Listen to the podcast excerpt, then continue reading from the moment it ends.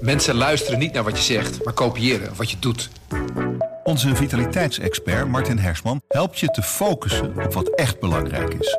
Beluister en bekijk Martin of een van onze andere experts op businesswise.nl. Businesswise, het nieuwe platform voor iedereen met ambitie. Dit is de AD Nieuws Update met Jamie Trainte. Vandaag is het dan eindelijk zover. Na 271 dagen van slepende onderhandelingen is het regeerakkoord van kabinet Rutte 4 rond. Vandaag wordt het gepresenteerd aan de Tweede Kamer.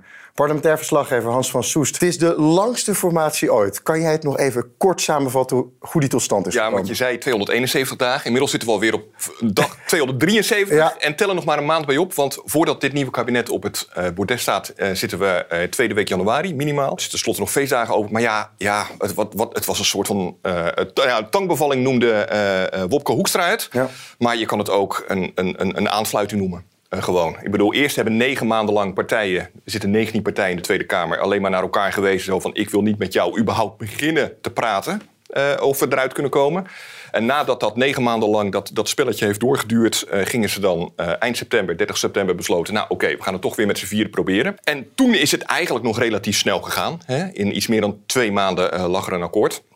Maar dat hele voorspel, dat was natuurlijk ja, dat was niet om aan te zien. Nee, en ook dat was geen reclame voor de politiek in elk geval. Heel fijn dus dat we er nu bijna, zoals je zegt, uh, zijn. Een aantal plannen van het nieuwe kabinet zijn bijna klassiek alweer uitgelekt. Welke zijn dat? Nou ja, dat wat er is uitgelekt, dat zijn niet de grote verrassingen. Want dat zijn eigenlijk de dingen die al in de, in de verkiezingsprogramma's van de partijen stonden. Uh, en waar ze het sowieso wel over eens zouden kunnen worden. Hè. Meer geld naar klimaat, uh, meer geld om het stikstofprobleem op te lossen. Uh, verhoging van het minimumloon, daar was eigenlijk ook iedereen het wel over eens. Want we hebben een groot probleem aan de onderkant van de arbeidsmarkt. Afschaffing van de kinderopvangtoeslag. Hè. Het is een veel te ingewikkeld systeem waarbij dat geld naar de ouders moeten. En die ouders moeten dan de volledige rekening. Nou ja, dat werd wat ingewikkeld. Dus nu gaat dat geld automatisch naar de crèches, waardoor kinderopvangtoeslag veel goedkoper wordt, nagenoeg gratis voor sommige uh, lagere inkomensgroepen. Uh, en dat zijn uh, in elk geval de belangrijkste dingen die tot nu toe zijn uitgelekt. Ja. En natuurlijk de belofte voor lagere belastingen, want dat is ook elke kabinetsperiode weer zo.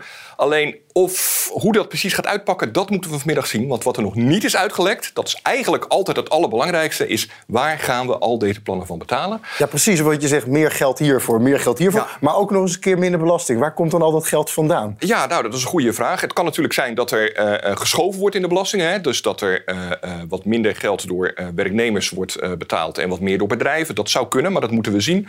Het kan ook zijn, dat is waarschijnlijker dat ze dat gaan doen, dat ze in elk geval iets van de staatsschuld wat verder laten oplopen. Het kan ook zijn dat ze gewoon nog op dingen gaan bezuinigen.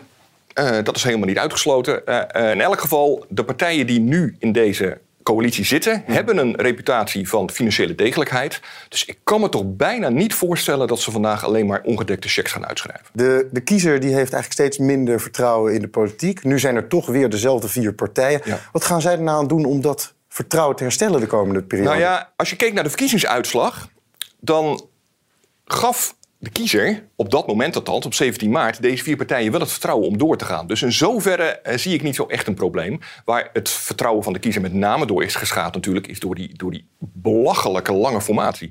Waarin kiezers alleen maar hebben gezegd, ja hallo, jullie zeiden in de verkiezingscampagne allemaal, we zitten in een crisis, hè, we moeten er snel uitkomen met elkaar, samenwerken. En vervolgens hebben jullie negen maanden lang alleen maar met de ruggen naar elkaar toegestaan. Ik denk dat dat vooral... Uh, dus eigenlijk wat jij zegt is, nu we er zijn, gaat dat vertrouwen zich wel hier Nou ja, herstellen? dat moeten ze natuurlijk, daar moeten ze wel iets voor doen.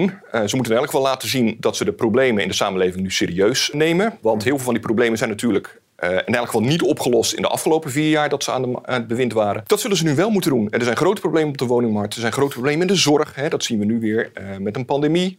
Uh, we kunnen lang niet alle mensen behandelen die recht hebben op zorg. En er zijn grote problemen in het belastingstelsel.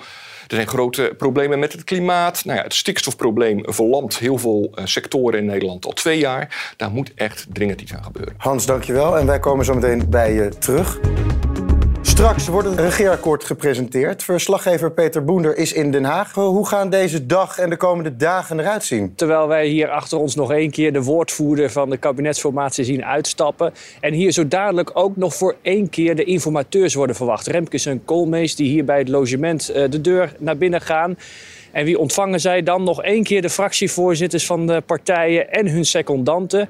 En daarin bespreken ze nog de laatste aanpassingen die zijn meegegeven door de fracties gisteren na hun uh, akkoord. Uh, en dan wordt dat regeerakkoord uh, gepresenteerd vanmiddag. daarna gaat het naar de Tweede Kamer en morgen vindt er dan een debat met de informateurs plaats. En na dat debat wordt de formateur aangewezen. Dat is natuurlijk Mark Rutte. Maar wanneer ze dan uh, met z'n allen op het bordes gaan staan, alle bewindspersonen, dat zal inderdaad, wat Hans al zei, medio januari zijn. Bedankt Peter Boender bij de Tweede Kamer in Den Haag. Het afgelopen jaar was de gezondheidszorg een heikel punt. Vanwege de coronapandemie is daar meer geld nodig dan ooit. IC-verpleegkundige Arjan van den Broek, goedemorgen. Veel is dus al uitgelekt over het nieuwe regeerakkoord, maar nog niks over de zorg. Mis jij deze plannen ook? Ja, wel degelijk. Ja. Ik had er toch wel op gerekend dat er uh, een lichtje was gaan branden bij het nieuwe kabinet. En dat er uh, ja, toch wat uh, plannen voor ons waren gemaakt. En waarom moet de zorg een belangrijk onderdeel worden van dit regeerakkoord? Nou ja, ik vind de zorg altijd al belangrijk. Alleen de rest van, van Nederland heeft dat dan de laatste anderhalf jaar ook kunnen zien. Dat wij toch wel een een belangrijke factor zijn uh, in de samenleving. En uh, ja, dat wij te maken hebben met steeds minder capaciteit om op te kunnen schalen als het nodig is. En wat is er volgens jou nodig van dit nieuwe kabinet om de zorg in Nederland te verbeteren? Nou, in ieder geval uh, een uh, structurele salarisverhoging voor alle zorgmedewerkers die ook echt met de hand in de washand staan. daar begint volgens mij alle verbetering in de zorg mee. Daarmee maak je het vak aantrekkelijker en zullen er wat mij betreft uh, meer mensen behouden blijven in de zorg en ook aangetrokken worden richting zorg. Ja, dus een salarisverhoging, maar de bonus van 500 e- euro die jullie krijgen vanuit de overheid, die valt uiteindelijk lager uit. Is er nog wel vertrouwen dat het dan wel gaat lukken? Nou, nou dat wordt wel wat minder. Uh, het, is, uh, het is erg jammer dat er uh, 500 euro beloofd is en dat dat dan een stukje minder wordt uiteindelijk. Ehm, het is tekenend eh, voor dit kabinet, denk ik ook, van dat er steeds uitgesproken wordt hoe ze de zorg toch waarderen. Hè? Te applaudisseren was hierbij tekenend. Uh, maar als er dan ook echt investeringen in gedaan moeten worden, dan uh, valt het tegen. En dan zijn wij ineens een last en een hele grote kostenpost voor de samenleving. Dus ja, dat vind ik toch een beetje dubbel.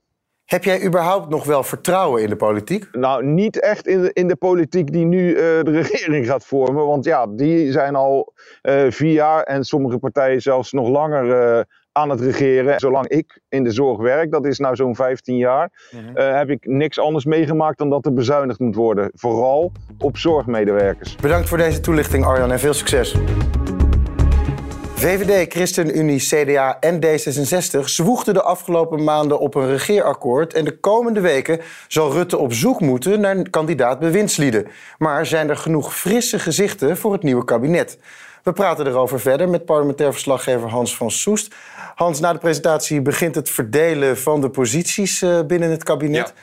Hoe gaat het eruit zien? Nou, misschien eerst uh, is het wel uh, belangrijk om even ehm, aan te geven dat alle vier de partijen hebben aangegeven, en weliswaar doen ze dat niet hardop, maar toch dat het best lastig is om voldoende mensen te vinden die en geschikt zijn en die ook willen. Mhm. Want het is niet een hele populaire baan. Het lijkt misschien zo, hè, uh, geweldig, uh, iedereen wil wel minister worden, rondgereden worden door een, door een chauffeur en uh, je verdient heel veel geld. Ja. Nou, dat valt allemaal wel mee. Het is vooral heel veel hard werken. Veel verantwoordelijkheid. Veel verantwoordelijkheid, een hoge druk van de Tweede Kamer en van de media. En in het bedrijfsleven verdien je echt twee, drie keer zoveel. Dus het is helemaal niet zo'n populaire baan. Ja. Wat je ziet is dat alle vier de partijen willen eigenlijk wel vernieuwing uitstralen. Hè, want ze willen laten zien, nou het is echt niet precies hetzelfde kabinet als de afgelopen vier jaar. Dus ze willen met nieuwe gezichten komen. Dus ze zullen echt wat, wat, wat, wat Worden daar al namen bij genoemd? Nou ja, um, uh, van buitenaf uh, uh, nog niet echt heel erg veel. Maar van binnenuit word je de mensen die er nu al zitten, hoor je wel van dat, nou ja, Carola Schouten, die zal nog wel een keertje doorgaan, waarschijnlijk op sociale zaken als extra minister. Uh, uh, Wopke Hoekstra en Sigrid Kaag, wat die gaan doen, is nog niet helemaal duidelijk. Maar de verwachting is toch wel dat die in het kabinet gaan zitten. Waarbij het maar zeer de vraag is welke portefeuille ze gaan doen. De enige voor wie het echt vaststaat is Mark Rutte. Die zal premier worden. En verder ja, is het zoeken naar nieuwe kandidaten. Bijvoorbeeld bij de VVD ja, hebben ze niet heel veel mensen meer over. Daar hebben ze er flink wat doorheen gedraaid de afgelopen jaren. Sander Dekker zal doorgaan. ze hebben afgelopen zomer twee nieuwe staatssecretarissen uitgeprobeerd. Nou, die hebben het voor de partij redelijk gedaan. Dennis Wiersma en Dylan Jesilgoes. Dus die zullen waarschijnlijk ook wel terugkeren in een nieuw kabinet. En verder is het echt even flink door dat adresboekje van de VVD heen bladeren van... jongens, wie wil er nog? Ja, en informateur Remkes die heeft ook echt gezegd... er moeten nieuwe gezichten Ja, nieuwe bij. gezichten. Maar vind ze maar eens. Ja. Jeetje, dat is toch ook nog wel een extra druk die er dan toch op komt... ook voor het vertrouwen wat hersteld moet worden? Ja, ja, nou, maar dat is ook zo. Um, uh, vooral ook omdat uh, er ligt een, echt een hele zware taak op deze nieuwe ministers. Iedereen wil dat het anders gaat. Uh, meer transparantie, meer daadkracht, meer discussie in de Tweede Kamer. Er is ook geen meerderheid in de Eerste Kamer. Dus ze zullen ook nog eens een keer politiek zo behendig moeten zijn... dat ze kunnen onderhandelen met de oppositie. We zoeken een soort schaap met vijf poten op al die ministeries. En daarbij is er dan ook nog eens een keer de roep naar meer vrouwen in het kabinet. Ja. Is dat haalbaar? Nou ja, dat horen we eigenlijk elke kabinetsformatie. Hè. Er moeten meer vrouwen komen. Uh, en elke keer ja, lukt dat maar mondjesmaat. Hans, dankjewel. Als het aan het kabinet Rutte 4 ligt, gaan we straks meer vrouwelijke ministers zien. Het doel is dat de helft van de bewindslieden bestaat uit vrouwen. We praten erover verder met politicoloog Lisa Muge. Uh, ben jij verrast met dit nieuws? Ja, ik ben op zich wel verrast, omdat de vorige keer Rutte heeft gezegd dat de verdeling man-vrouw secundair is. Dus dat die nu is gedraaid, is wel voor mij een verrassing. Maar ik denk dat dat komt omdat hij veel kritiek heeft gekregen uh, van binnen de partij. En dat hij ook ziet dat internationaal, bijvoorbeeld Duitsland heeft net een kabinet met 50% vrouwen benoemd. Maar ook in Canada en Nieuw-Zeeland uh, ja, is er een beweging om gendergelijkheid in kabinetten te bewerkstelligen. Dus ik denk dat die factoren samen maken dat hij uh, gedraaid is. En waarom is diversiteit in de politiek belangrijk? Het is belangrijk om een aantal redenen. Uh, de eerste is dat de kwaliteit van politieke besluitvorming uh, omhoog gaat als er meerdere perspectieven meegenomen worden. En we weten uit verschillende onderzoeken dat men behalve natuurlijk uh, expertise, werkervaring ook geleefde politieke ervaringen meeneemt, persoonlijke ervaringen, diversiteit aan netwerken. Dus als je verschillende mensen bij elkaar zet, krijg je meer discussie en dus een uh, meer doordachte uitkomst van uh, politieke besluitvorming. Daarnaast verhoogt het politiek vertrouwen, sociale cohesie, is het een kwestie van sociale uh, rechtvaardigheid en het stelt stereotypen uh, bij in de samenleving. Dus we hebben heel lang vooral mannen gezien, witte mannen op machtige posities. En als daar meer diversiteit in komt, dan raakt de samenleving ook gewend aan dat ook andere mensen dat soort functies kunnen vervullen. En dat is belangrijk omdat genderongelijkheid een breder verbreid systeem is. Niet alleen in de politiek, maar ook in het bedrijfsleven en in de wetenschap. Dus het zou een heel belangrijk signaal zijn als het kabinet het goede voorbeeld geeft en 50% vrouwen benoemt. Het nieuwe kabinet dat zou ongeveer 20 ministers gaan hebben. Dat betekent dus 10 uh, ministers vrouw. Is dat haalbaar voor dit nieuwe kabinet? Ik denk zeker dat het haalbaar is, maar het, is, het hangt er wel vanaf in hoeverre partijen de afgelopen jaren ook werk hebben gemaakt van uh, het opbouwen van een diverse pijplijn, uh, diverse netwerken. En inderdaad, wat de voorgaande spreker ook al zei, zijn ze bereid om deze klus uh, aan te gaan. Maar ik denk zeker dat er echt voldoende vrouwelijk talent rondloopt in Den Haag om zo'n functie te vervullen.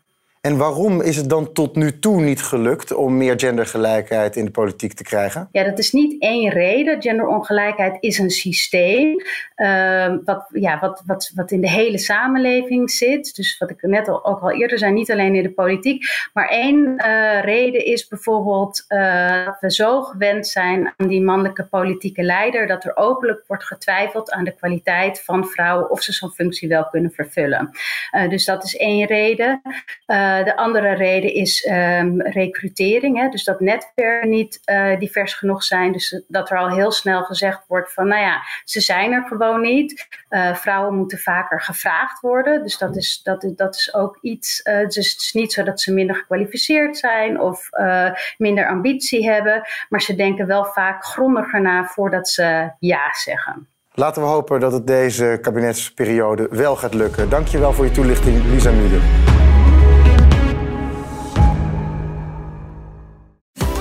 Van de elektrische bezorgwagentjes van Picnic en de elektrische fietsen van Van Moof tot de wereldveranderende missie van Tony Chocolonely.